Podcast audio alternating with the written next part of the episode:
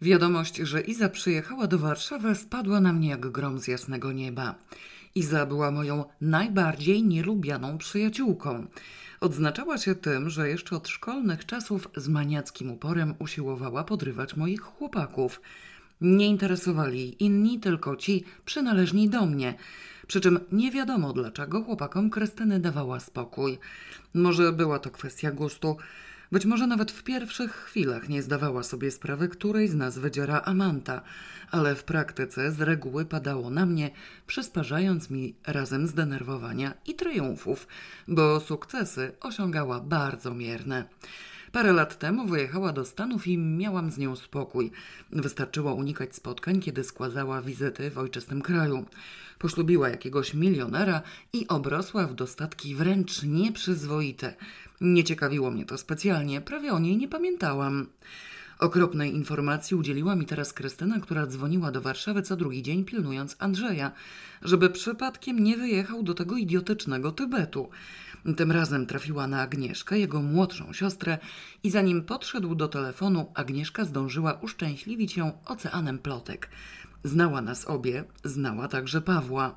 Słuchaj, ona mówi, że ta suka owdowiała i siedzi na strasznej forsie powiedziała moja siostra nerwowo, odrywając mnie od hinduskich dupereli, które usiłowałam oczyścić z kurzu i wycenić.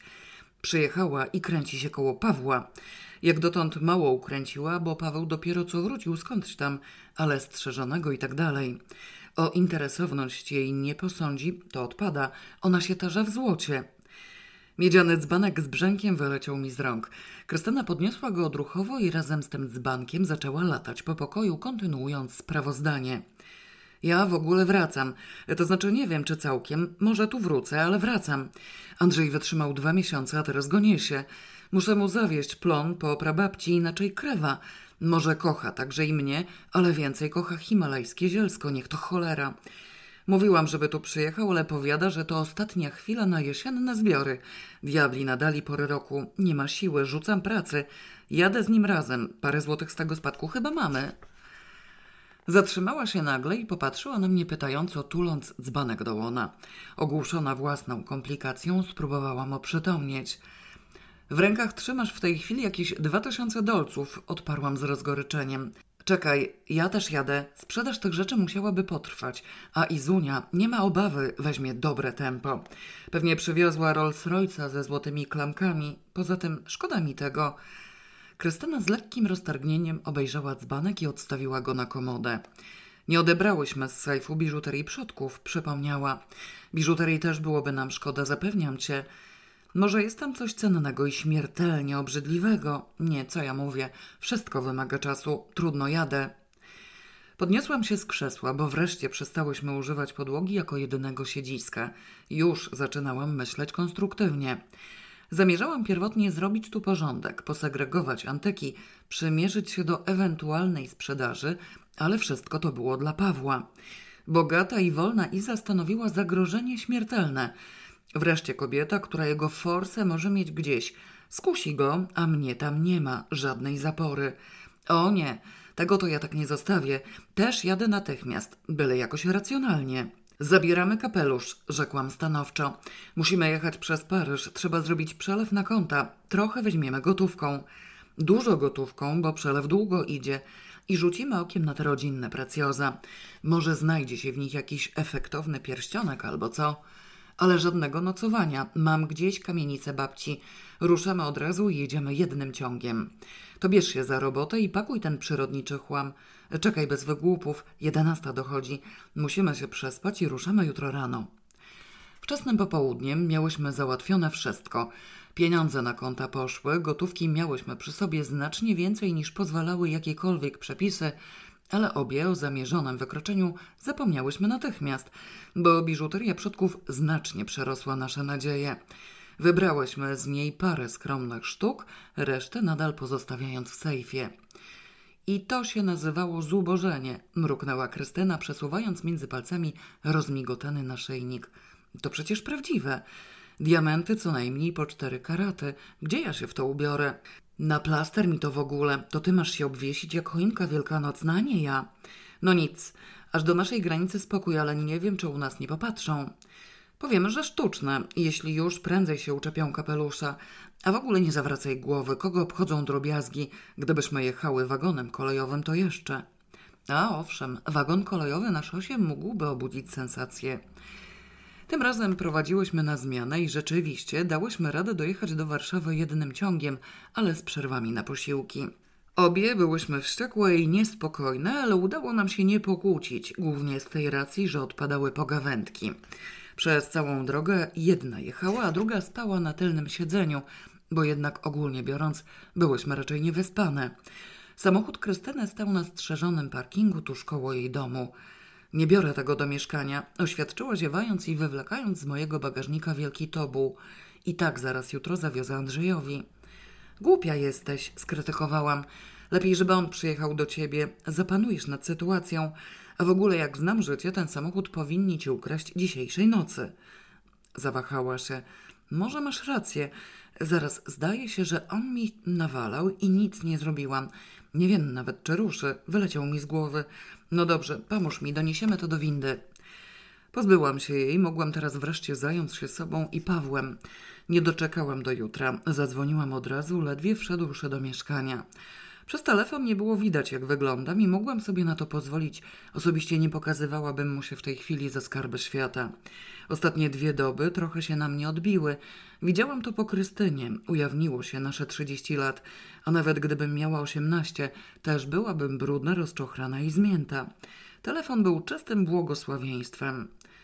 Pawełku, powiedziałam, kiedy podniósł słuchawkę. Jęknął.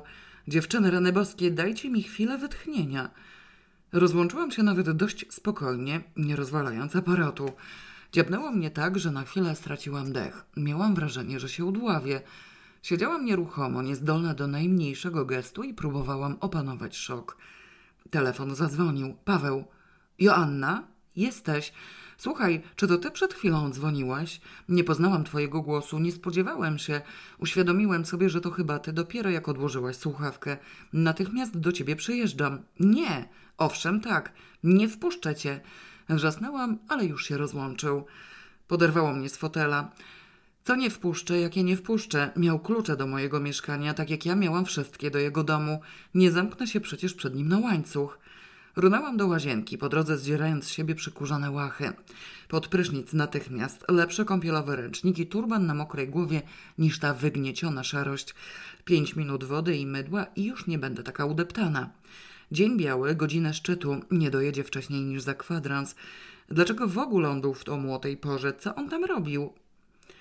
Dziwne może było pytanie, co człowiek mógł robić we własnym domu, ale Pawełek na ogół wychodził rano i wracał wieczorem. Ciągu dnia pracował, siedział w swojej firmie, załatwiał interesy. Spotykał się z ludźmi, obiad przeważnie jadał w mieście, prowadził ruchliwy tryb życia. W pełni tego świadoma zadzwoniłam tylko na wszelki wypadek, tak sobie, i szlak trafił mnie szybciej niż zdążyłam się zdziwić. Idiotka, jednak trzeba było zacząć od siebie. Gorąca woda i dzika emocja razem wzięte pomogły błyskawicznie. Po 14 minutach Paweł najpierw zadzwonił, a potem zachrobotał kluczem. Na głowie rzeczywiście miałam turban z ręcznika, na sobie szlafrok, ale twarz już mi prawie wróciła do równowagi i mogłam być oglądana. W momencie jego wejścia wytrząsałam pod oknem całą zawartość torebki, żeby znaleźć na jej dnie jedyny dobry pilnik do paznokci. Woziłam go ze sobą wszędzie, nie mogąc jakoś trafić na drugi równie doskonały egzemplarz, mimo iż kupowałam pilniki po całej Europie. Ten jeden był ciągle najlepszy i nie umiałam się bez niego obejść, a przed chwilą właśnie w tym wściekłym pośpiechu paznokieć mi się nadłamał. Nie zdążyłam wygrzebać narzędzia, a przy tym posłużyć się nim, bo Paweł był już w pokoju. Po drodze udało mi się zastanowić. Powiedział po bardzo długiej chwili, wypuściwszy mnie z objęć. Korki cholerne. Przez przypadek zyskałaś dowód, jak się odnoszę do wszystkich innych dziewczyn poza tobą. Nawet nie będę cię przepraszał. Skąd miałem wiedzieć, że to ty z Francji dzwoniłaś wieczorem, a nie w dzień? W dzień cię nie ma i prawdę mówiąc miałam zamiar zadzwonić do babci, a twój numer wypukałam odruchowo. Skąd się wziąłeś u siebie? Wylałem sobie kawę na spodnie i musiałem skoczyć do domu, żeby się przebrać. Zły byłem jak diabli, ale przeszło mi od razu. Wróciłaś na dobre, czy tylko na chwilę? Boże, jak ja się za tobą stęskniłem. Przyjrzałam mu się. Był normalny, kochający, oczy mu się do mnie śmiały. Chyba Izunia nie zdążyła jeszcze przegryźć mi gardła. Doznałam ulgi, ale nie popuściłam tak od razu. Sięgnęłam po pilnik i zaczęłam naprawiać paznokieć. No dobrze, a o co właściwie chodzi z tymi dziewczynami? Obrzydło ci powodzenie? Jakbyś zgadła, jakiś urodzaj ostatnio zatruwa mi życie. Chociaż może krzywdzę resztę, bo głównie jedna mi wisi kulą u nogi. Podobno twoja szkolna przyjaciółka, niejaka Iza Marten, przyjechała ze Stanów i trafiła na mnie szukając ciebie. Tak twierdziła. Wiesz coś o niej? Teraz doznałam już nie tylko ulgi, ale zgoła błogości. Sam powiedział o Izie, a zastanawiałam się, jak o nią spytać, nie przyznając się, że w ogóle wiem o jej przyjeździe. Nie wyglądało na to, żeby go zachwyciła. Prawdę mówiąc, myślałem, że to ona dzwoni, zwierzył się Paweł dalej. Dlatego wydałem okrzyk ogólnie odstręczający.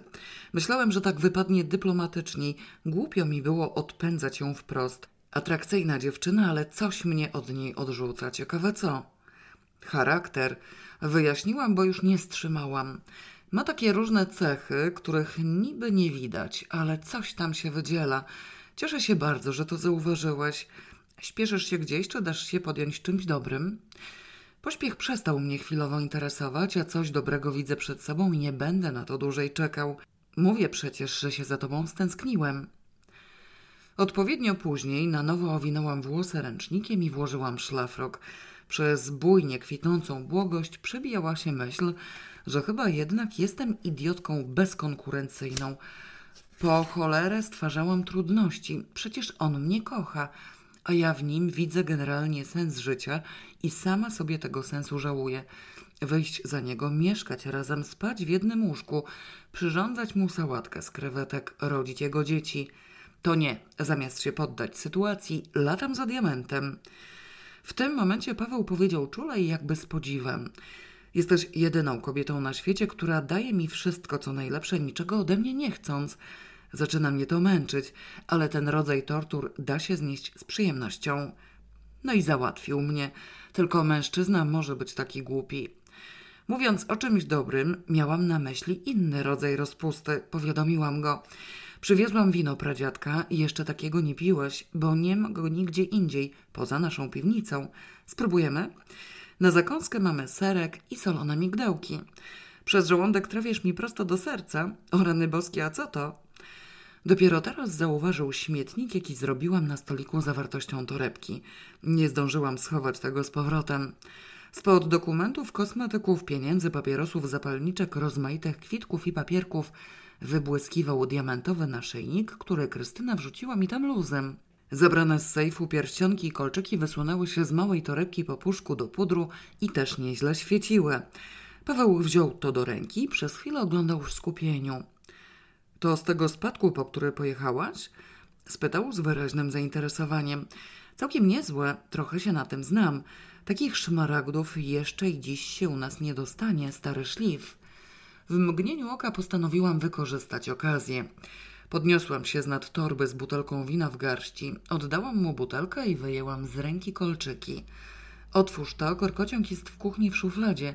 Uczcijmy spotkanie wszechstronnie. Zanim wrócił z korkociągiem i kieliszkami, już wpięłam w uszy wiszące kolczyki. Ręcznik na głowie miałam też zielony. Pasowało idealnie. Mignęło mi w głowie, że w tych kobietach chyba coś jest. Od klejnotów nabierają urody. Sama we własnych oczach zrobiłam się piękniejsza. Paweł spojrzał. Mniej więcej po godzinie dokończył otwieranie butelki, a mnie się udało wyjąć z torby migdałki i serek. Kupiłam te produkty spożywcze po drodze, wiedząc doskonale, że w domu nie ma nic do jedzenia. Nie do restauracji jednakże przyszedł, a wszystko wskazywało na to, że istotnie był za mną stęskniony. Wypędziłam go dość późnym wieczorem, bo musiałam jednak odpocząć i zaopiekować się sobą gruntowniej. Znów pożałowałam, że nie mieszkamy razem, a Paweł pomamrotał nawet coś na ten temat. Zostawszy sama, zmoczyłam, ułożyłam i wysuszyłam włosy, bo w końcu ile można spędzić w turbanie. Zaczęłam się zastanawiać nad wszystkim i wtedy zadzwoniła Krystyna. Miałaś rację, powiedziała z cieniem jakby wdzięczności. Lepiej było Andrzeja zwlec do mnie. Sama powinnaś to wiedzieć, wytknęłam. Wiem, ale byłam cholernie śpiąca i coś mi tam nie działało. Niech Pan Bóg da zdrowie naszej prababci. Odpadłam z miejsca i ucieszyłam się. Nie jedzie do Tybetu? Nie jedzie, zrezygnował chwilowo. Szału dostał od naszych ziół. Odzyskałam już trochę rozumu i najpierw zużyłam go dla siebie, a dopiero potem pozwoliłam na wybuchy intelektu. Jak się okazało, również seksotwórczy. A co u ciebie? Właśnie byłam w trakcie myślenia, kiedy zadzwoniłaś. Odparłam z satysfakcją. Przedtem był tu Paweł. Wychodzi mi, że Izunia popełniła błąd. Może i siedzi na milionach, ale z natury jest chciwa i zdaje się, że wylazła z niej ta cudowna cecha, łaska boska. Ale ten diament jest mi potrzebny jak powietrze, oznajmiła Krystyna stanowczo. Laboratorium, rozumiesz? On mnie kocha na tle przyrody. Boję się jednak, że w razie konieczności wyboru ze złamanym sercem wybierze przyrodę. Mężczyźni są jak dzieci. Nie róbmy dziecku koło nogi. Mówiłaś mu o, wielkich nadziejach? Zwariowałaś, żeby zauroczyć? Głowę daje, że ty też nie. No pewnie, że nie. Czekaj, pomyślmy. W tej chwili uważasz, że jesteśmy akurat tak doskonale usposobione do myślenia. Proponuję pomyśleć jutro. Możliwe, że pójdę do pracy. O piątej mogę wpaść do ciebie. Do babci, skorygowałam. Przyjdź o czwartej. Ja zdążę i pojedziemy do babci, bo inaczej nam nie daruje. Jeszcze musisz chyba oddać samochód do warsztatu. Chromole, sprzedam rupiecia i kupię Toyotę, taką jak twoja. Może jutro nie zdążę. No dobrze, pojedziemy do babci tobą. Coś mi się obijało o uszy, że Marcin Kacperski miał francuską żonę. Powiedziała babcia Ludwika trochę niechętnie. Ale ona umarła jeszcze przed moim urodzeniem i słyszałam o tym jako dziecko. Nie interesowało mnie to, nie zwracałam uwagi, nie pamiętam. No i dlaczego babcia jest taka nietypowa? spytała Krystyna ze smętnym wyrzutem. Wszystkie normalne osoby w babci wieku uwielbiają wspomnienia przodku i wydarzenia historyczne we własnej rodzinie. A babcia co? W dzieciństwie, droga Joasiu, byłam w zupełnie innym wieku, a nie każde dziecko własna rodzina rzuca na pastwę wojny. Do nietypowości mam prawo. Z reguły babcia zwracała się do nas odwrotnie, Krystynę biorąc za mnie, a mnie za nią. Tym razem wyjątkowo nie wprowadzałyśmy poprawek, żeby nie zdenerwować babci niepotrzebnie. Podobno, tak twierdziło średnie pokolenie, uraz babci na tle tego pozostawienia na pastwę wojny zaląkł się później, już po wojnie, kiedy dokopał jej ustrój i rósł stopniowo, przedzierając się w zakamieniałą, śmiertelną obrazę. Padałyśmy teraz, można powiedzieć, ofiarą minionego ustroju. Zdjęć babcia nie ma, listów nie ma, dokumentów nie ma. Wyliczyłam z westchnieniem. I do tego jeszcze nie chce babcia pogrzebać w pamięci. Mój Boże, czujemy się nieszczęśliwe. Nie brać, Krysiu. Spadek po mojej matce dostałyście? Dostałyście. Cieszcie się z tego i nie zawracajcie głowy. Nie czepiam się, ja też żyłam ze spadku po mojej prababce. Ale my starannie ratujemy pamiątki przeszłości, a babcia co? Pamiątki po prababci Dominice uratował Florek, więc ja już nie musiałam, odparła babcia z uporem. Ledwo rzuciłyśmy okiem na siebie wzajemnie i już było wiadomo, że nie ma siły. Co najmniej jedna z nas powinna jechać do Peżanowa. Pomyślałam, że padnie na mnie, bo Krystyna nie zdecydowała się jeszcze zrezygnować z pracy. Ale może jakiś weekend, jakieś wolne sobie wyrwie. Andrzeja zapcha ziołami, już zaczął badać staroświeckie przepisy i trochę czasu mogła sobie wydłubać. Niby mogłam sama, ale wolałam z nią. Uzupełniałyśmy się jakoś wzajemnie. Słuchaj, jak myślisz? spytała niespokojnie, kiedy już wychodziłyśmy od babci. Dopadniemy tego diamentu czy nie? Moje życie od tego zależy. Moje też. Diabli wiedzą, czy on jeszcze w ogóle istnieje. Zastanawiam się, dlaczego tak strasznie milczymy na jego temat. Nikomu nie mówimy o nim ani słowa. Co nami kieruje? Rozum, ty idiotko. Powiedz słowo jednej osobie i zanim się obejrzesz, rozejdzie się po społeczeństwie. Wszyscy zaczną szukać. I trafi na niego pierwszy lepszy kretyn przez czysty przypadek. Może masz rację. To co, jedziemy? No pewnie.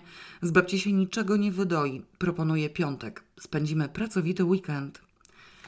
Zamierzałam spędzić ten weekend z Pawłem, ale pomyślałam, że to może nawet lepiej, że mnie nie będzie. Powitałam go trochę zbyt spontanicznie i teraz powinnam się cofnąć na z góry upatrzone pozycje, konsekwentnie stosując dotychczasową politykę. Nie lecę na niego razem z jego forsą. Nie robię zabluszcz, nie czepiam się chwytnymi mackami. Mogę zacząć dopiero, kiedy nasze poziomy odrobinę się wyrównają, a teraz zachowam chwalebną powściągliwość. Możemy jechać oddzielnie, dodała jeszcze Krystyna. Pozbyłam się strupla. Jutro odbieram małą Toyotę, taką samą jak ta twoja. I niestety w takim samym kolorze, bo innych nie było. Umówmy się na miejscu, na szóstą zdążę. Kiwnęłam głową, nic nie mówiąc, bo nadal myślałam o Pawle. Może jednak puścić w trąbę te moje wszystkie zastrzeżenia, chromolić pieniądze, wyjść za niego, zamieszkać w jego domu. Cholera głupio. Ciągle wydawało mi się, że nie mam własnego i nawet setka dzieci nie zmieniłaby mi samopoczucia. Krystyna ma rację, jestem nienormalna. Mówię do ciebie, wrzasnęła Krystyna z irytacją. Czy ogłuchłaś? Tak, teraz właśnie na prawe ucho. Zamyśliłam się. Co mówiłaś?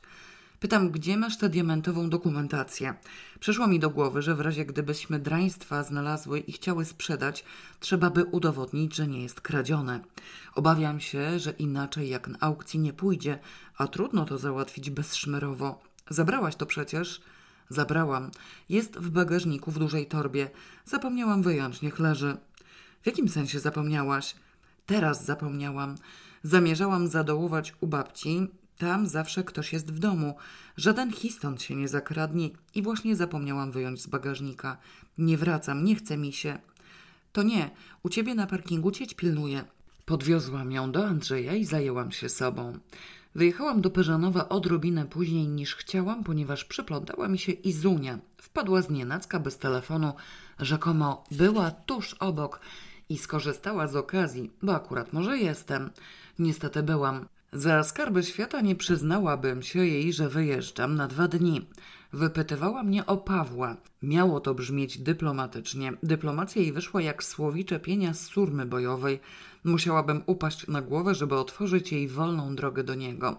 Przeciwnie, dałam Zołzie do zrozumienia, że jestem z nim umówiona i musiałam odczekać, aż sobie pójdzie. Jeszcze przed łowiczem złapały mnie gliny.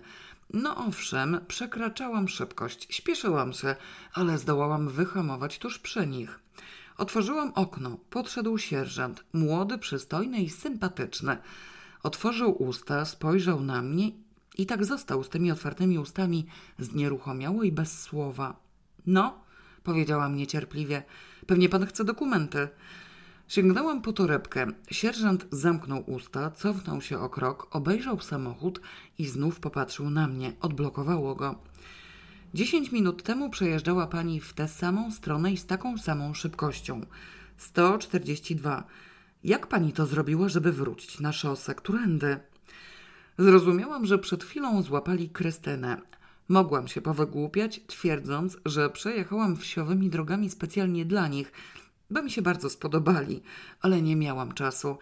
Nic się panu w oczach nie dwoi, zapewniłam go. To nie byłam ja, tylko moja siostra. Ona już panom chyba wystarczy i ja jestem niepotrzebna. Pytanie było tak idiotyczne, że ogłuszyło go na nowo. Nie, odparł jakoś słabo. Rzeczywiście, jedna to dosyć. Ucieszyłam się ogromnie. Dziękuję bardzo, powiedziałam życzliwie i natychmiast odjechałam. W lusterku widziałam, że stoją wszyscy razem we trzech i patrzą za mną, nie zwracając żadnej uwagi na przejeżdżające samochody. Pomyślałam, że nasze podobieństwo znów okazało się korzystne i zaciekawiło mnie, co też Krystyna ma na sobie. Prawie ją dogoniłam, kiedy zwalniałam przed bramą Jędrusiowej posiadłości. Wyciągała właśnie torbę z samochodu. Oczywiście ubrane byłyśmy jednakowo. Nasze beżowe żakieciki nieco się od siebie różniły, ale na pierwszy rzut oka nie dawało się tego dostrzec. A w dodatku obie miałyśmy na szyi zielone apaszki. Nie zdziwiłam się, jeśli uzgodniłyśmy wcześniej przez telefon wprowadzenie wyraźnych różnic. Z reguły ubierałyśmy się w identyczne ciuchy. Możliwe, że działała na nas jakaś tajemnicza siła wyższa, ale zasadnicze wytłumaczenie było proste. Najzwyczajniej na świecie obu nam było w tym samym do twarzy i lubiłyśmy te same kolory. Pierwszą osobą, która wyszła z domu na nasz widok była córka Jędrusia Marta. O, jak dobrze, że jesteś! Ucieszyła się Krystyna. Myślałam, że trzeba będzie cię szukać po całej okolicy. Cześć, miło was widzieć, odparła Marta. O rany znów wyglądacie jednakowo. Która jest która? Ja jestem Kryśka.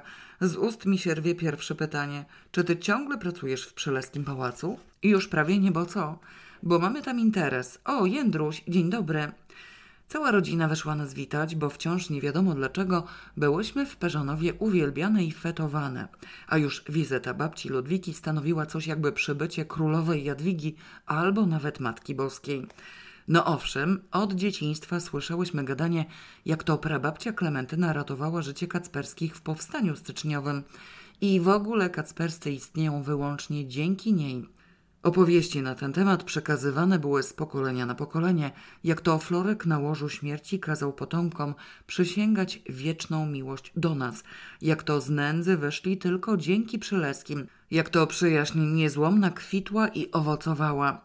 Starałyśmy się z całej siły być jako tako sympatyczne, ale i tak cześć i nałobny szacunek do naszej rodziny wydawały nam się nieco przesadzone. Na szczęście przez całe lato spędzając w Peżanowie wakacje i rozmaite inne wolne dni, zdołałyśmy do tego przywyknąć. Na Jędrusiu jego 62 lat wcale nie było widać. Trzymał się lepiej niż stary Boryna przed ślubem z Jagusią. Wysoki, postawny, silny chłop, samo zdrowie i życie i podobnie prezentowała się Elżusia, jego żona młodsza o trzy lata. Z ich dziećmi Jurkiem, Heniem i Martą bawiłyśmy się we wszystko, co było możliwe. Konkurując w jeździe konnej, pływaniu, skokach z belki do sąsieka w stodole, dojeniu krów, łażeniu po drzewach i wszelkich innych rozrywkach. Jurek obecnie gospodarował razem z ojcem i lada chwila miał się ożenić. Marta, druga w kolejności, małżonka mechanika samochodowego, który dorobił się stacji benzynowej w najbliższej okolicy, Pracowała w bibliotece Przyleskiego Pałacu. Najmłodszy zaś Henio świeżo skończył staż po Akademii Medycznej i zaczął pracować w rodzinnej wsi. Wszyscy akurat byli w domu i wszyscy wylecieli ku nam z objawami kultu. Aktualnie najbardziej interesowała nas Marta. To co z tą twoją pracą? Spytałam przy kolacji, bo oczywiście kolacja musiała być i to możliwie wystawna. Przyrządzenie na poczekaniu wytwornego posiłku Elżusi przychodziło bez trudu. Z dawniejszych czasów bowiem pozostał jej wysoce użyteczny nawyk. Miniony ustrój silnie odznaczał się brakiem w handlu, wszystko zatem miała swoje. Zawekowany schab, znakomite kiełbasy, duszone grzybki, rozmaite mięsa, jarzyny, owoce i ryby. Osobiście przez nią utrwalone w konserwie, w każdej chwili mogła podać na stół, a w dodatku było to fenomenalnie dobre. Odchudzanie się w Peżanowie nie wchodziło w rachubę i nie do pojęcia było, że nikt z nich nie utył. Przechodzę na własne, odparła Marta. Nie wiem, czy wiecie, że przy lesie kupił jeden taki, bo pani Ludwika zrzekła się wszystkich praw spadkowych, więc gmina mu sprzedała, a bibliotekę kupiłam ja, tanio i na raty i otwieram prywatną wypożyczalnię i czytelnię. Ostatnio już tam tylko ta biblioteka została, no i kawiarnia – Skład pierza wyrzucili, a co zrobi nowy właściciel, to już nie wiem. Informacja o nowym właścicielu wstrząsnęła nami potężnie. Kupił? Już całkiem kupił i zapłacił? Spytałam gwałtownie i chciwie. Kto taki, nie wiesz? Mniej więcej, bo było gadanie. Jakiś Amerykanin polskiego pochodzenia, ale nazwiska nie pamiętam. Histon, niech się skicham na śmierć, krzyknęła ze zgrozą Krystyna. Może i Histon, nie wiem, a, a co? Histon jest złodziej i nie ma żadnych praw. Oświadczyłam z wielką energią zła jak diabli i pełna oburzenia, że dotarł aż tutaj. Przypadkiem czy nie przypadkiem, ale jednak wykosił nam kuzyna. Sam się przyznał, że szturchnął rzeźbę. Nie on rzecz jasna, jego przodek, bo działało się to blisko sto lat temu, a ten zbóg niedojony jest niewiele starszy od nas. Ale nie zgadzam się, żeby w ostatecznym efekcie nagrodą za niezręczność miał być nasz rodzinny skarb. Jaki skarb? spytał podejrzliwie Jędruś. W przyleskim pałacu leży jakiś skarb? Zdumiał się Hanio równocześnie.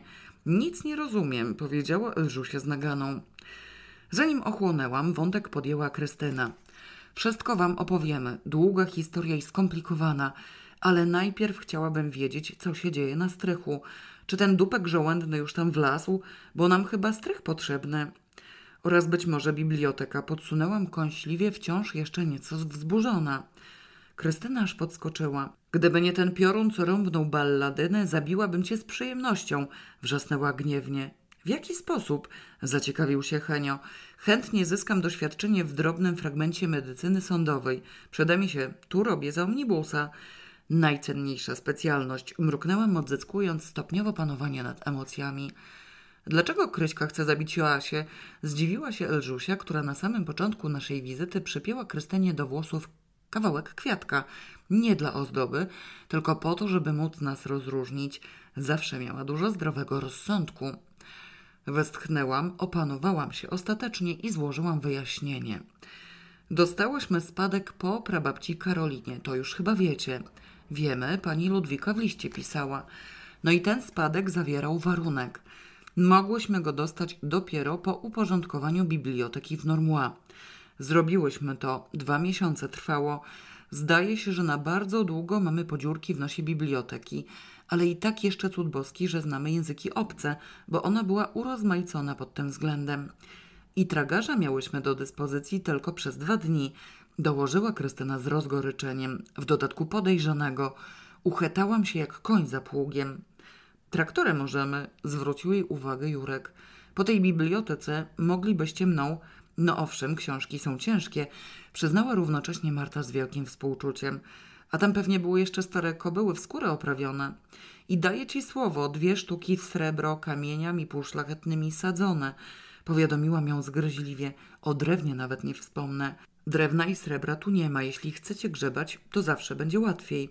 Nie chcemy, wrzasnęła buntowniczo Krystyna, ale możliwe, że musimy, uzupełniłam z niechęcią. Dlaczego tragarz był podejrzany? Zainteresował się Jurek. W jakim sensie?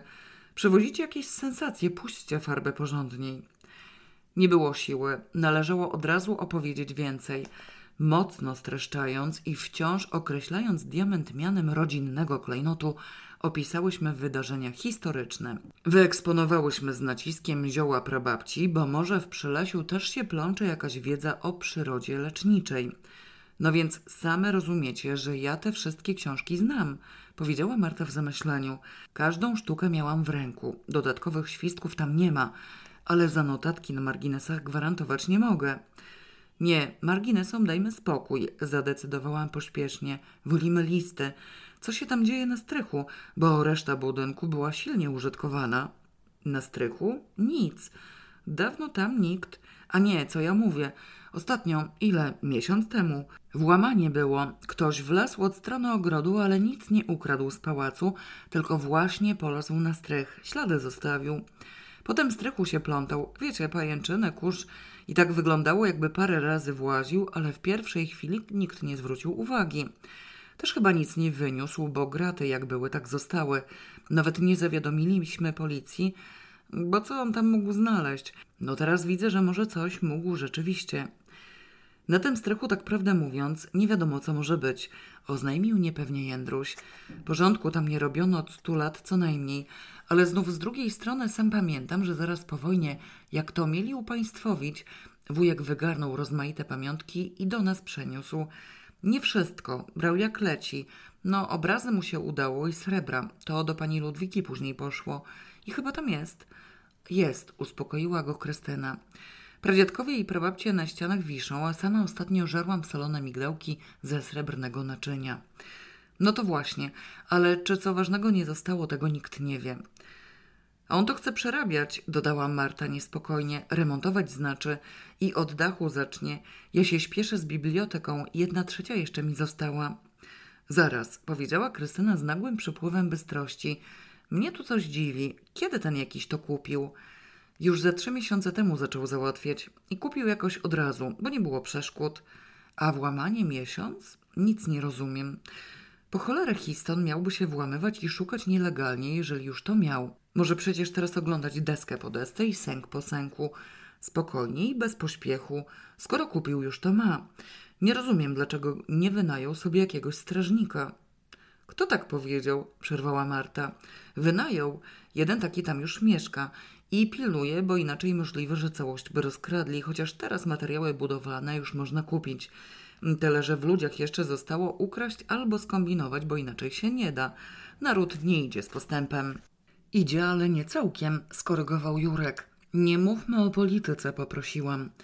Zgadzam się z Kryśką, też tego włamania nie rozumiem. Myślisz, że włamywacz nadal tam grzebie? A kto go wie, może i grzebie. Strychu nikt nie pilnuje, ja sama też zlekceważyłam. Jeśli chcecie tam czegoś szukać, musicie się pośpieszyć, bo ja owszem mam klucze, ale tylko do przeniesienia reszty książek i potem do widzenia. Wchodzą z remontem. No i wygląda na to, że macie konkurencję. Czy to aby na pewno kupił Histon? Powiedziałam w zamyśleniu. Objawiła się sytuacja podobna jak w Normua. Ktoś czegoś szukał. Histon pchał się na myśl zgoła nachalnie. Tam było lepiej, zamek należał do nas. Tu siedziba przodków wyrwała nam się z ręki. Rzuciły się na mnie skojarzenia. Histon, jego pradziadek, żółty sapecik, głupie plotki od francuskiego pijaka, złota papierośnica. Haha, widziałam ją. Jak ona złota, to ja z marmuru. Pugilares z mnóstwem pieniędzy. Żadnego pugilaresu nie było, a pieniędzy ani grosza. Tak rośnie legenda. Może ten cholerny diament urósł podobnie. Krystyna konferowała z Martą, namawiając ją do zbadania sprawy, kto w końcu kupił przy lesie, jak ten parszywiec się nazywa, jak wygląda, może ktoś go widział. Przejęta klejnotem rodzinnym Marta obiecywała wszelką pomoc, znała wszystkich w gminie. Z połową pracowników chodziła do szkoły. Mogła się dowiedzieć nawet jutro, nie musiała służbowo. Mogła iść do nich z wizytą prywatnie do domu.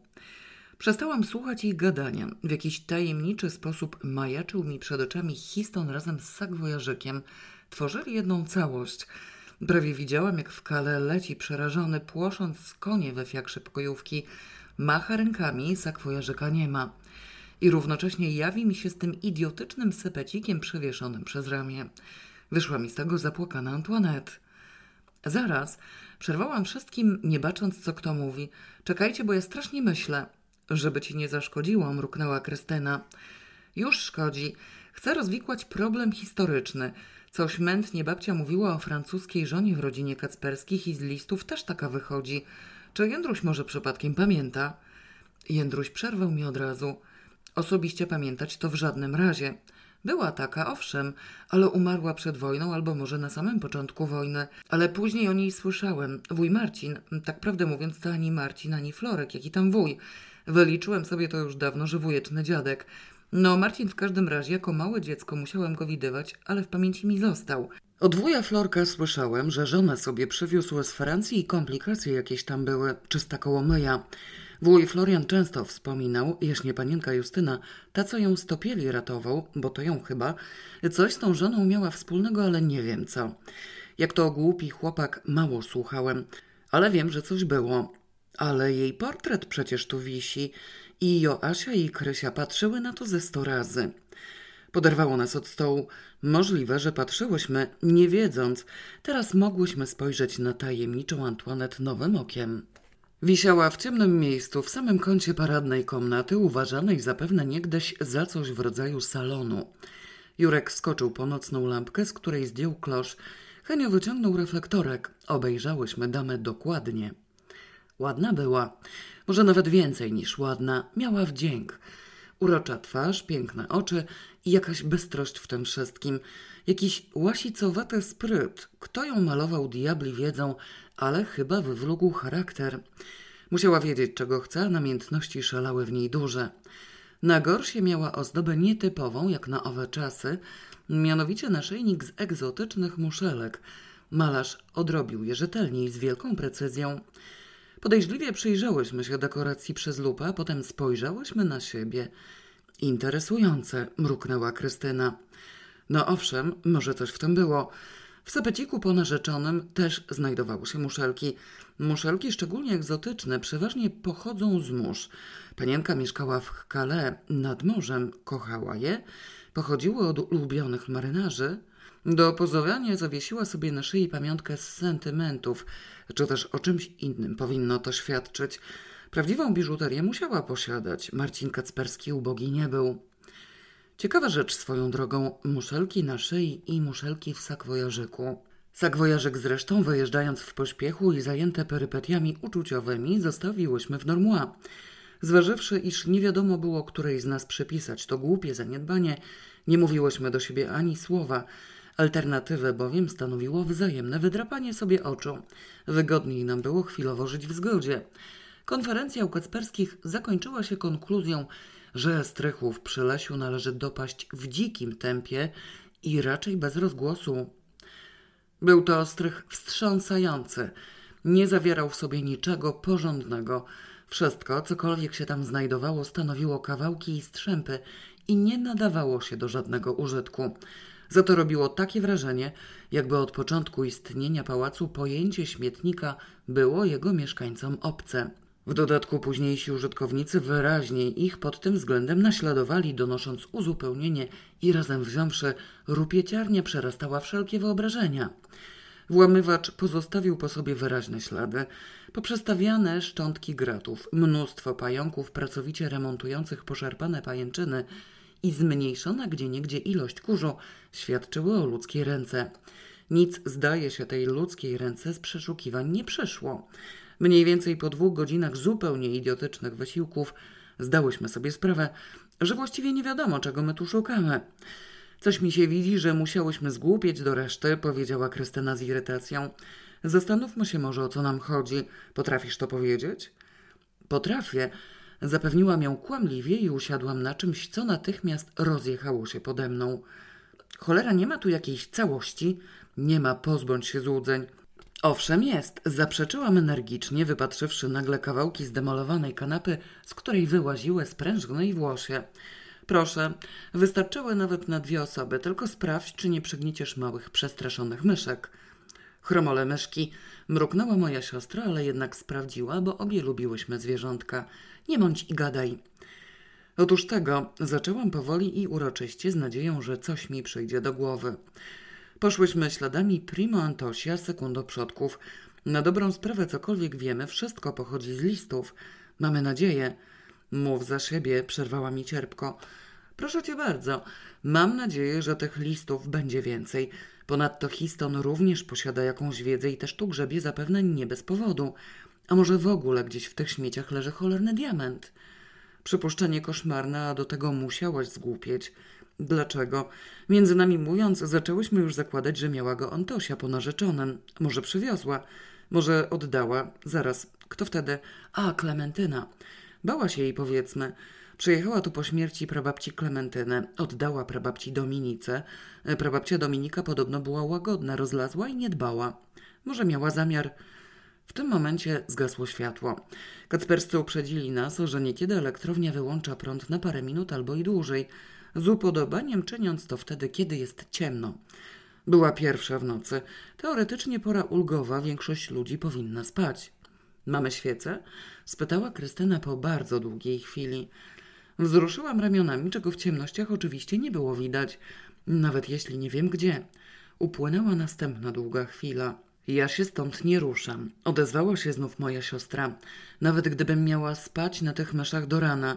Przy świetle można nogi połamać, a co mówić po ciemku.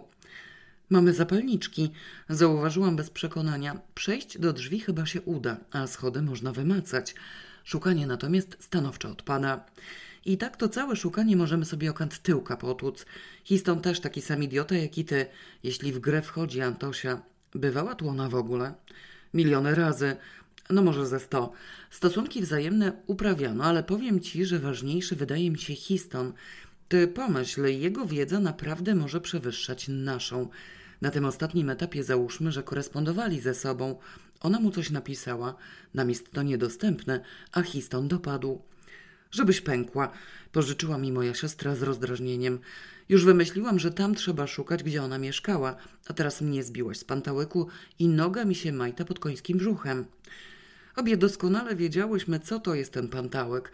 Miałyśmy z nim do czynienia tysiące razy i koński brzuch wcale mnie nie zdziwił. Noga może, skrytykowałam. Myślisz chyba raczej górą. Odczep się, nic nie widzę, denerwuje mnie to wszystko.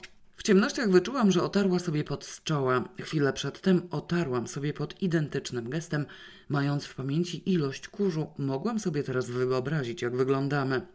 Rzecz jasna znów jednakowo, bo Marta z litości pożyczyła nam to tych poszukiwań swoje dwa fartuchy robocze.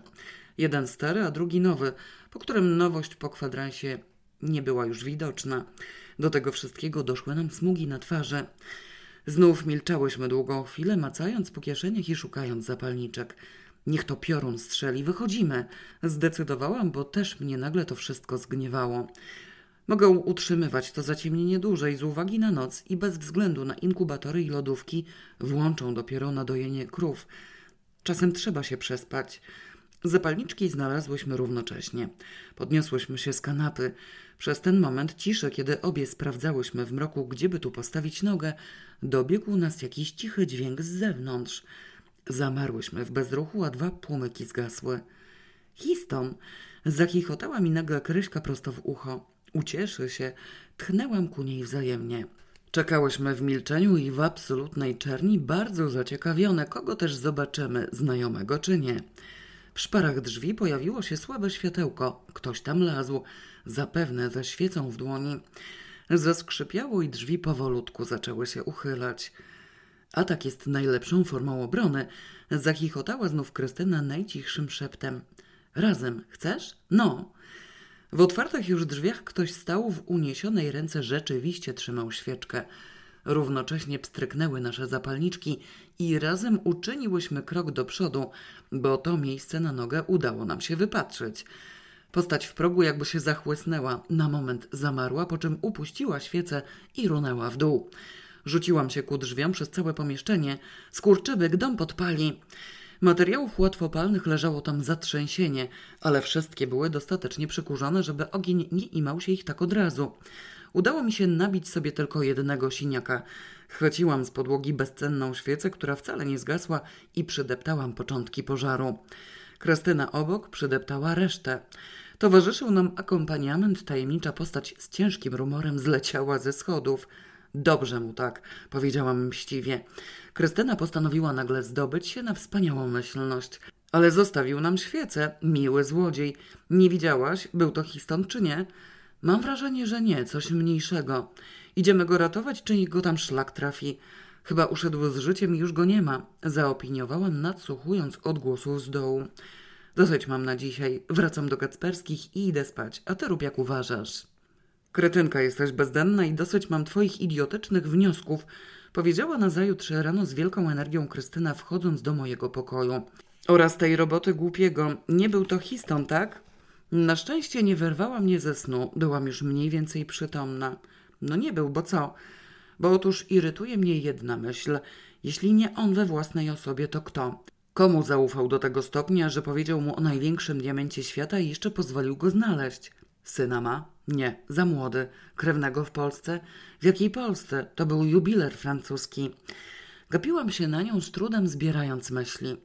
Może ożenił się w Ameryce z polskim pochodzeniem i miał tu rodzinę, powiedziała mnie pewnie. Bzdura.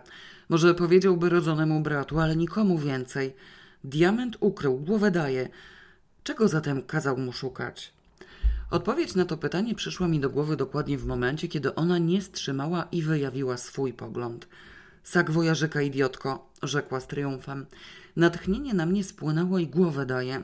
Pradziadek mu to wmówił, w Normuanie znalazł, bo nie interesowały go kapelusze. Przyjechał szukać tutaj, być może z nadzieją, że to ścierwo ciągle tam tkwi. Wierzył w uczucia Antosi.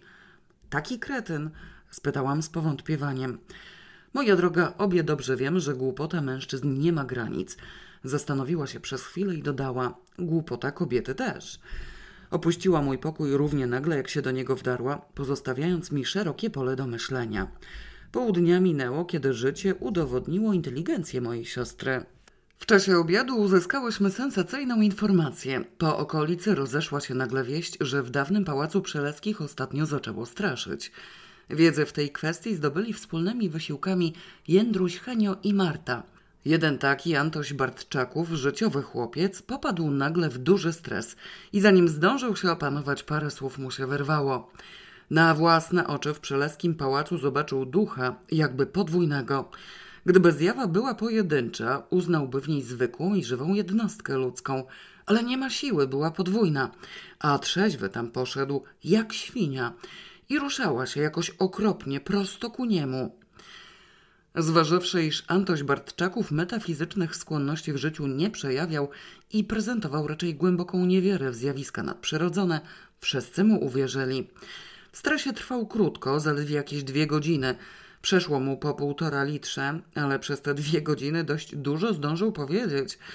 Henio jako przyjmujący pacjentów lekarz uzyskał tę wiedzę najlepiej. Pracował bowiem w razie potrzeby nawet w weekendy i dni świąteczne. Marta dowiedziała się od męża, któremu nie poskąpił zwierzeń kumpel Antosia, biorący mieszankę do motoru.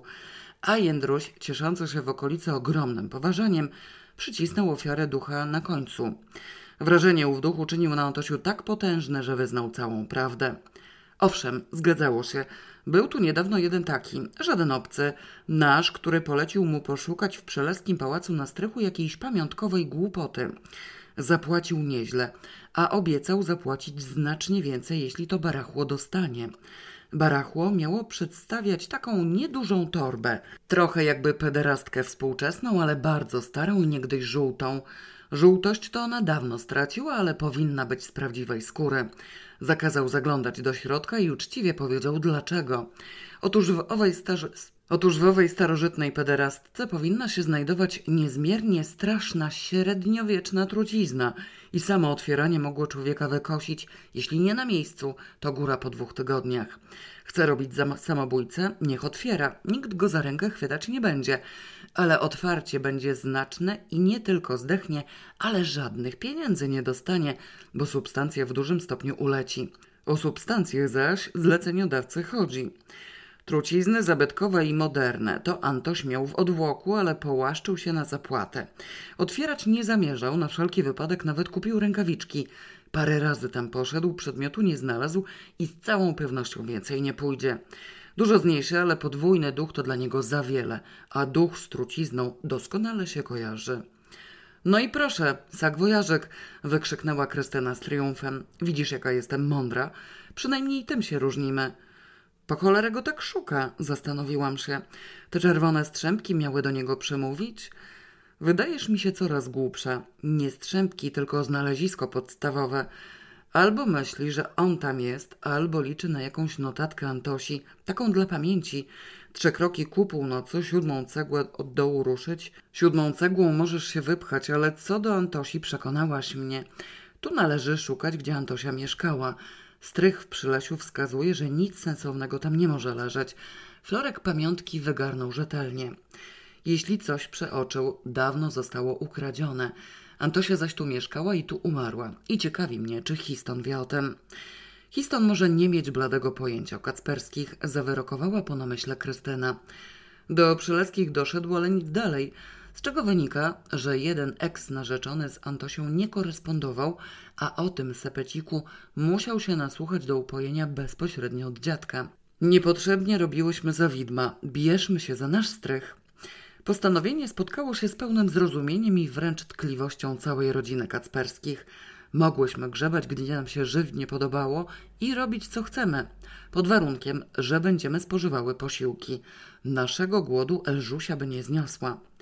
Strych w Perzanowie składał się z dwóch części, mniejszej i większej. Interesowała nas większa. Okazała się zamknięta na klucz. Jędruś klucz odnalazł i uroczyście otworzył nam drzwi. Marta z ciekawości poszła na górę razem z nami i zatrzymała się w progu. O rany boskie, powiedziała z zakłopotaniem. Jak wy sobie dacie radę z tym wszystkim? Przecież tu leży setny kurz. Zamknięte było, żywa dusza tu nie wlazła od wieków. Zaraz, kiedy ten dom był budowany? W 1908 roku odparłam. W listopadzie wiechy usadzili, a na gwiazdkę dostali z Francji w prezencie trzy zegary i tremo. Skąd wiesz? Oglądałam rachunki prababci. Jeśli już je prowadziła, to porządnie, a nie byle jak. Z detalami było napisane. Zegary sztuk trzy. Jeden stojący szewkowy rzeźbiony z drewna ciemnego. Drugi kominkowy ozdobny bóle, dekorowany masą perłową. Trzeci wiszący na ścianę najnowszej mody. Wysłane do Peżanowa w upominku gwiazdkowym do nowego domu Kacperskich. Tremo zostało opisane podobnie, a na wiechowe przyjęcie pojechała beczułka Ostryk – nie wiem, co kacperscy z nimi zrobili, może zjedli. Nic w każdym razie nie wiem, żeby się później ktoś pochorował. Fantastyczne, zaczynam cię rozumieć, historia na żywo. No więc dobrze trafiłam, kurz jest prawie stuletni. Aż wam zazdroszczę tego grzebania, ale muszę wracać do roboty. Skoro przy lesie wam nie pasuje, pośpieszę się z biblioteką i oddam im klucze. Od czego zaczynamy? spytała Krystyna z dużym niesmakiem, patrząc na ogromną, szarą przestrzeń, wyglądającą jak gruzowisko. Nie można było nawet rozpoznać, co tam leży i stoi, aczkolwiek jeden mebel od razu wydał mi się łóżkiem, czy też może pozostałością łóżka. Jednakże nawet pod tym grubym kożuchem kurzu widać było, iż zawartość pomieszczenia różni się mocno od strychów w przelesiu. Nie był to śmietnik, tylko lamus. Niektóre meble stały nawet na wszystkich czterech nogach, a niektóre posiadały taki luksus jak drzwiczki. Stanowczo strych Peżanowski stwarzał większe nadzieje. Trzeba tu było przyjść od razu, powiedziałam smętnie. Zmarnowałyśmy wielki kawał piątku i prawie pół soboty. Przeodziane w fartuchy Marty i jakieś stępory na nogach, zaczęłyśmy penetrację od spaceru przez cały lokal. Przechadzka okazała się wysoce uciążliwa. Niech to piorun strzeli, prychnęła gniewnie Krystyna. Słuchaj, czy nie lepiej byłoby zaangażować się po prostu do pracy w kopalni diamentów? Podejrzewam, że tu się narobimy więcej. Ja jestem tego nawet całkiem pewna, ale w kopalni musiałybyśmy jeszcze dokonać kradzieży. W dodatku wątpię, czy tak od razu wielkie bydle wpadłoby nam w ręce. Szczerze mówiąc, tu też wątpię. Dobra, ruszamy. Bez pracy nie ma kołaczy. Czekaj szczotką. Ostrożnie zagarnij, bo nas tu wydusi. Już po pięciu minutach wyraźne się stało, że narzędzi pomocniczych potrzeba nam więcej.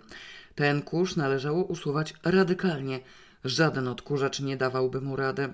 Wyrzucanie przez okienka w dachu było zbyt niewygodne. Należało postarać się o wiaderko, worek, płachtę, cokolwiek. Wyglądało na to, że istotnie od blisko stu lat nikt tu nie zaglądał, a w ostatnich czasach nawet niczego nie dokładano. Zdumiewające przy tym było, że w idealnie czystym, wręcz wyglansowanym domu Kacperskich mógł istnieć taki strych. Po godzinie przyszedł do nas Jędruś i wyjaśnił zjawisko dokładniej. Nikt tu nigdy nie przychodził, rzekł w zadumie, rozglądając się wokół poprzez szare kłęby i chmury. Nawet dzieci się nie bawiły, same to pamiętacie chyba i powiem dlaczego. Na łożu śmierci wuj Florian mówił, że strych ma być przyleskich, nawet więcej, Normontów. Może pani Karolina przyjedzie, może pani Ludwika, ale wszystko po nich ma tu czekać ludzką ręką nietknięte. Tak, zrozumiałem, bo niewyraźnie mówił. Na wszelki wypadek. W czym rzecz pojęcia nie mam, ale kto wie, jakie pamiątki w 46 ocalił i co by się z nimi stało w tym całym komunizmie, gdyby go szlak nie trafił. Dziecko na coś trafi albo głupek jaki wszystko zmarduje. Przysięgliśmy, że uszanujemy, no i tak już zostało. W tej drugiej, mniejszej połowie nawet bym chciał, żebyście zajrzały. Elżusia od początku suszarnie zrobiła. Na pranie w zimie, bo w lecie to w sadzie i tam jest porządek. A tu jak było, tak zostało. Teraz się od was dowiaduję, że może tu leżeć i coś nasze, rodzinne Kacperskich, ale to też więcej wasze niż nasze, a wuj Marcin dzieci nie miał. Pomóc wam potrzeba, dodał po chwili innym tonem rzeczowo i stanowczo. Torby mamy ile chcąc, za drzwiami kładźcie, a jutro z Jurkiem wyniesiemy. Zgodziłyśmy się na to z dużą ulgą, bo ta godzina już nam zdążyła dokopać. Rezultat wysiłków zaś uzyskałyśmy taki, że w jednym kącie objawiły się kształty wikli nowych kuferków podróżnych, wybrakowanego fotela, zdewastowanej wyżymaczki i czegoś, co robiło wrażenie wiekowych krosien. Wyłaniał się także ogromny stos starych gazet, stwarzający nikłą nadzieję na słowo pisane. Mimo zaprawy w bibliotece w Normua nie wstrzymałyśmy do rana. Poszłyśmy spać koło drugiej, odkurzywszy nieco ćwierć strychu. To to świeże powietrze, powiedziała Krystyna pokasłając kurzem. Spać mi się chce, nieziemsko. Coś mi się widzi, że mamy z głowy ładnych parę weekendów. Żeby ta parszywa Iza wyjechała, poświęciłabym się i w dni powszednie, odparłam z westchnieniem. Mogłabym odkurzyć do końca. Optymistka, ona nie wyjedzie, póki nie złapie Pawła. A główno, w zadzie mam diament, wyjdę za niego. I obiecasz mu posag? Nie wiem, co mu obiecam, ale najwyżej się nie przeprowadzę. Głupia jesteś zupełnie. To już lepsze byłoby zamieszkanie razem i ciąża, nawet bez ślubu. Zawahałam się, zatrzymując w drzwiach. I zacznę pomieszczenie pawiami ozdabiać, co? Krystyna omal nie zleciała ze schodów. Nie, tego bym już nie zniosła. No dobrze, z ciążą zaczekaj. Chociaż nie zaczniesz przecież żygać od pierwszego dnia. Ze trzy tygodnie to potrwa. Przez trzy tygodnie ten strych obskoczymy, bodaj tylko w weekendy. Mam złe przeczucia. Westchnęłam i zeszłam za nią. Moje przeczucia się sprawdziły. W niedzielę po południu rąk i nóg nie czując, zdołałyśmy usunąć prawie trzy czwarte kurzu i na tym się nasze osiągnięcia skończyły. Jedyne, do czego czułam się zdolna, to paść na zdewastowane łoże i zasnąć kamieniem. Krystyna wyjawiła możliwości podobne. Na pomoc Kasperskich nie było co liczyć. Jędruś się uparł, pełen współczucia, ale stanowczy. Ja przysięgi dotrzymam, oznajmił zdecydowanie i własne dziecko wyklnę, gdybym ją złamało. Coś takiego, coraz lepiej to sobie przypominam, że nikt inny, tylko wy, z rodziny Przyleskich i Normontów, macie do tego prawo i na ręce wam patrzeć niech Bóg broni. Może to jakaś wadliwa tajemnica, może przestępstwo, może skarb, ale nikt nie ma prawa nosa wtykać. Niedarmo wuj Florian nigdy się nie ożenił, a mnie adoptował. I co to ma do rzeczy? spytał Henio. To znaczy ja nic nie mówię i nigdzie się nie pcham. Po co mnie ojciec ma wyklinać? To uciążliwe zajęcie. Ale jaki może być związek między tajemnicą Przyleskich a kawalerstwem pradziadka? Ciotecznego, przypomniała usłużnie Marta. Ciotecznego. Myślisz, że to pociecha? Może coś tam było nieślubne. Wysunął przypuszczenie Jurek, który mało gadał, ale świetnie się bawił. Może my jesteśmy przylescy, a przylescy są w gruncie rzeczy kasperscy. Może nikt nie ma prawa do niczego i trzeba to ukryć. Głupoty mówisz, synu, aż się coś robi. Skarciła go ze zgorszeniem Elżusia. Wszyscy razem siedzieliśmy przy niedzielnej kolacji, po której obie z Krystyną miałyśmy wracać do Warszawy. Na głodno Elżusia nie chciała nas wypuścić. Zastanowiłam się nad tymi supozycjami, nagle pewna, czy nie przeoczyłam jakiejś rodzinnej tajemnicy. Nie, powiedziałam po uczciwym namyśle. Takich rzeczy nie było. W Normua przeczytałam wszystko. I powiem wam, że aż się dziwię, jaka to była porządna rodzina. Dwie rodziny. Żenili się z miłości, wierni sobie byli, aż się niedobrze robiło. Żadnych odskoków, żadnych zdrad. W naszej rodzinie to samo. No rzeczywiście, przerwała mi Krystyna jadowicie. Szczególnie pani Debliwe dodaje nam blasku, nie mówiąc już o tym, że na moje oko pra, pra, prababka Arabella wyrolowała pułkownika, zaś Marietta zręcznie wykończyła dwie osoby postronne. Historia mnie słabo interesuje, ale pamięć posiadam. Geny mogły przyskoczyć tylko z Arabelli i to na nas, a nie na Kacperskich. Marietta w ogóle odpada, a reszta była w porządku. Poza tym już wam mówiłam, że idzie o skarb i na litość boską nie mówcie o tym nikomu.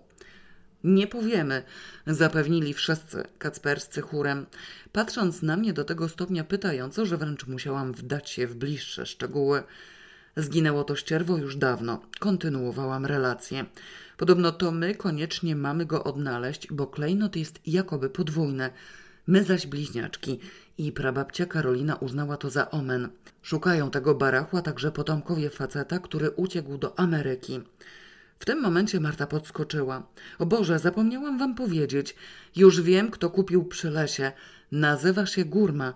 Ten Amerykanin, Stanley Gurma.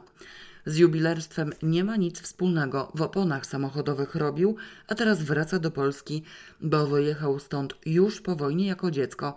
A tatuś i mamusia, zanim umarli, kazali mu wrócić. Tyle się zdążyłam dowiedzieć. Ma żonę i dzieci. Przez chwilę gapiłyśmy się na nią tempo. Jeśli wyjechał już po wojnie, Histon mógł go w ogóle nie znać i znów napotkał przeszkodę. Przylecie zostało nabyte przez obcego człowieka. Musiał się nieszczęsny włamywać. A niech go diabli wezmą, rozzłościła się nagle Krystyna. Niech się włamują, aż go skręci, mam go dosyć. Tylko tu go nie wpuszczajcie, a my za tydzień wrócimy. Nasz powrót za tydzień wypadł wielce dramatycznie. Już we wtorek wyszło na jaw, że cholerna Izunia uparła się złapać Pawła. Przytomnie uczepiła się mnie, bo Paweł jej się migał i wręcz nie mogłam spotkać się z nim bez niej. Ciemno w oczach mi się robiło aż do chwili, kiedy wychodząc z knajpy ohydna zaraza morowa skręciła nóżkę. Natychmiastowej ulgi nie doznałam, przeciwnie, szlak mnie trafił jak stąd do Australii z powrotem, bo oczywiście nikt inny nie mógł jej prowadzić, tylko Paweł. Do domu odwieźć, okład wykonać, do snu ułożyć. On zaś z miganiem pofolgował jak każdego normalnego mężczyznę, bowiem ruszyły go łezki w pięknych oczach i ta bezradność wdzięczna. Dziw, że od zgrzytania żaden ząb mi się nie złamał. Też jednak nie byłam od macochy i udało mi się powstrzymać go od dalszych zabiegów leczniczych. Nie odbierałam telefonów. Kulawa Izunia zatem bała się zaryzykować wizytę, skoro mogło mnie nie być w domu. Zwabiłam go do siebie podstępnie i wówczas wybuchła awantura. Już prawie zdecydowana byłam zastosować się do rady Krystyny w kwestii tej ciąży, ale uniemożliwił mi to radykalnie. Zamiast przystąpić do działań przydatnych, złym głosem poinformował mnie, że chciałby się wreszcie ustabilizować, ożenić i mieć dzieci i nie ma ochoty czekać z tym do późnej starości. Dzieci koniecznie, co najmniej dwie sztuki. Najbardziej wyznaje to uczciwie chciałby żenić się ze mną, ale wstręty i opory, jakie prezentuje, zaczynają go napełniać zniechęceniem, a może nawet nieprzyjemną rozpaczą. Myślał, że jestem też uczciwa, tymczasem kręcę. Po cholerę wybieram z nim nową kuchnię, skoro nie zamierzam z niej korzystać. Dla innej baby, a innej babie mój wybór się może nie spodobać i co wtedy? Kuchnią mnie lekko ogłuszył. Rzeczywiście, wybierałam jak dla siebie. Niech się zatem wreszcie na coś zdecyduje, bo trzymam go w głupiej niepewności, a to jest nie do zniesienia. O co mi chodzi do diabła? Bierzmy do cholery ten ślub, albo on do reszty przestanie wierzyć w jakiekolwiek moje uczucia do niego, bo o tak zwanej miłości nawet wspominać nie warto. Jak wygląda miłość, potrafiły mu już pokazać inne kobiety, a on, kretyn, takiego czegoś oczekiwał ode mnie. Załamałam się. Niczego nie pragnęłam bardziej niż ślubu z Pawłem, a te inne kobiety to oczywiście Izunia. Dorwie go w końcu ta kochająca krowa. Do ołtarza byłam wleczona rzetelnie, więcej nie mogłam wytrzymać, ale ciągle czułam w nim tę kretyńską pewność, że główną zaletę dla każdej baby stanowi forsa. Gdyby zbiedniał. Nie, idiotyzm. Nie będę mu przecież życzyć zubożenia, gdybym ja się wzbogaciła i Izunia z tą swoją nóżką i milionami. Dobrze, kochanie, powiedziałam z anielską słodyczą. Nie usłyszał. Robię z niego barana, ciągnę ku sobie i odpycham. Co za cholera jakaś we mnie tkwi, zatruwam mu życie zamiast je upiększać. Pomyślałam, że Iza odwaliła niezłą robotę. Dobrze, kochanie, ryknęłam straszliwym głosem. Zatrzymał się nagle w swoim rozpędzie. Co? Mówię, że dobrze. Zgadzam się. Możemy wziąć ślub. Poważnie mówisz? Najpoważniej w świecie. Chcę cię za męża, chcę być dobrą żoną i wyobraź sobie, że nawet umiem gotować. Co to ma do rzeczy, oszalałaś? Nie znam życie. Mężczyzna źle karmiony zniechęca się do swojej kobiety, nawet jeśli przedtem kochał ją nad życie. Możemy wziąć ten ślub za dwa miesiące. Wystarczy jeden, chociaż wolałbym za tydzień. Ja chcę dwa, Pawełku. No dobrze, powiem ci to, co dotychczas ukrywałam. Mam w perspektywie posag, a ty przecież nie uwierzysz, że cię kocham bezinteresownie, jeśli nie przebije Onasisa. Pieniądze padają na umysł. Zdaje się, że brak pieniędzy pada na umysł bardziej. Nie mów bzdur. Co to ma za znaczenie? Jak mnie kochasz? Nawet gdybyś tylko udawała, że mnie kochasz, udawaj byle dobrze. No owszem, powiedzmy, że taka na przykład Izunia udawać nie musi. W tym miejscu coś mi się zrobiło w środku ale wolę ciebie miesiąc, albo przysięgam Bogu, przestanę ci wierzyć, bo nic z tego zrozumieć nie mogę. Dobra, powiem ci prawdę. Zacząłem już mieć kretyńskie podejrzenia, wynająłem ludzi i sprawdziłem cię. Jakim cudem udało mi się nie udusić na poczekaniu, sama nie mogłam pojąć. Głosu mi w każdym razie zabrakło. Szlak mnie nie trafił tylko przez przypadek. Donieśli, że się spotykasz z jakimś facetem akurat w momencie, kiedy byłaś u mnie, więc zgadłem, że to nie ty, tylko twoja siostra. Ty jako taka nie masz nikogo innego. Nie obrażaj się. Zależy mi na tobie jak cholera. W tym stanie można stracić rozum. Musiałem wiedzieć, na czym stoję, bo dlaczego psia krew nie chcesz wyjść za mnie za mąż? No tak, sytuacja podbramkowa. Potwornie bogaty facet, młody, przystojny, sympatyczny, oblepiony dziwkami, które na każdym kroku musi z siebie otrząsać. Dlaczego normalna kobieta, zakochana w nim całkiem wyraźnie, miałaby nie chcieć go poślubić? Na jego miejscu też bym się dziwiła i wyznajmy uczciwie, też bym spróbowała sprawdzić. Latał po pokoju, snując różne głupie supozycje i czyniąc mi wyrzuty. Opanowałam szok. Dobrze, miesiąc. Powiedziałam potulnie i niebezpieczeństwo zostało zażegnane. Ledwo wyszedł, zadzwoniłam do Krystyny. Było zajęte. Odczekałam chwilę, zadzwoniłam drugi raz. Znowu zajęte. Zaczęłam dzwonić bez przerwy i zajęte było również bez przerwy. Po kwadransie trafił mnie szlak. Wyskoczyłam z domu i pojechałam do niej w płaszczu narzuconym na szlafrok i pantoflach na bosych nogach. Otworzyła mi drzwi z podejrzliwym wyrazem twarzy. Jeżeli ty się pętasz po mieście, to kto do cholery wisi u ciebie na słuchawce? Zaczęła gwałtownie i spojrzała na mój szlafrok. A, czyżby? Zgaduję, że dzwonimy do siebie nawzajem. Powiedziałam gniewnie, zdejmując płaszcz. Mam tego dosyć. Przerwała mi od razu. Ja też. Andrzej mi zrobił piekło na ziemi. Mam bogatego gacha, z którego doję forsę dla niego, a on ani Alfons, ani Żigolak. Naplułam mu w twarz i tak dalej. Coście u diabła robili z tym Pawłem, że tak mu weszło? Paweł gdzieś polazł w gronostajach i złotej koronie.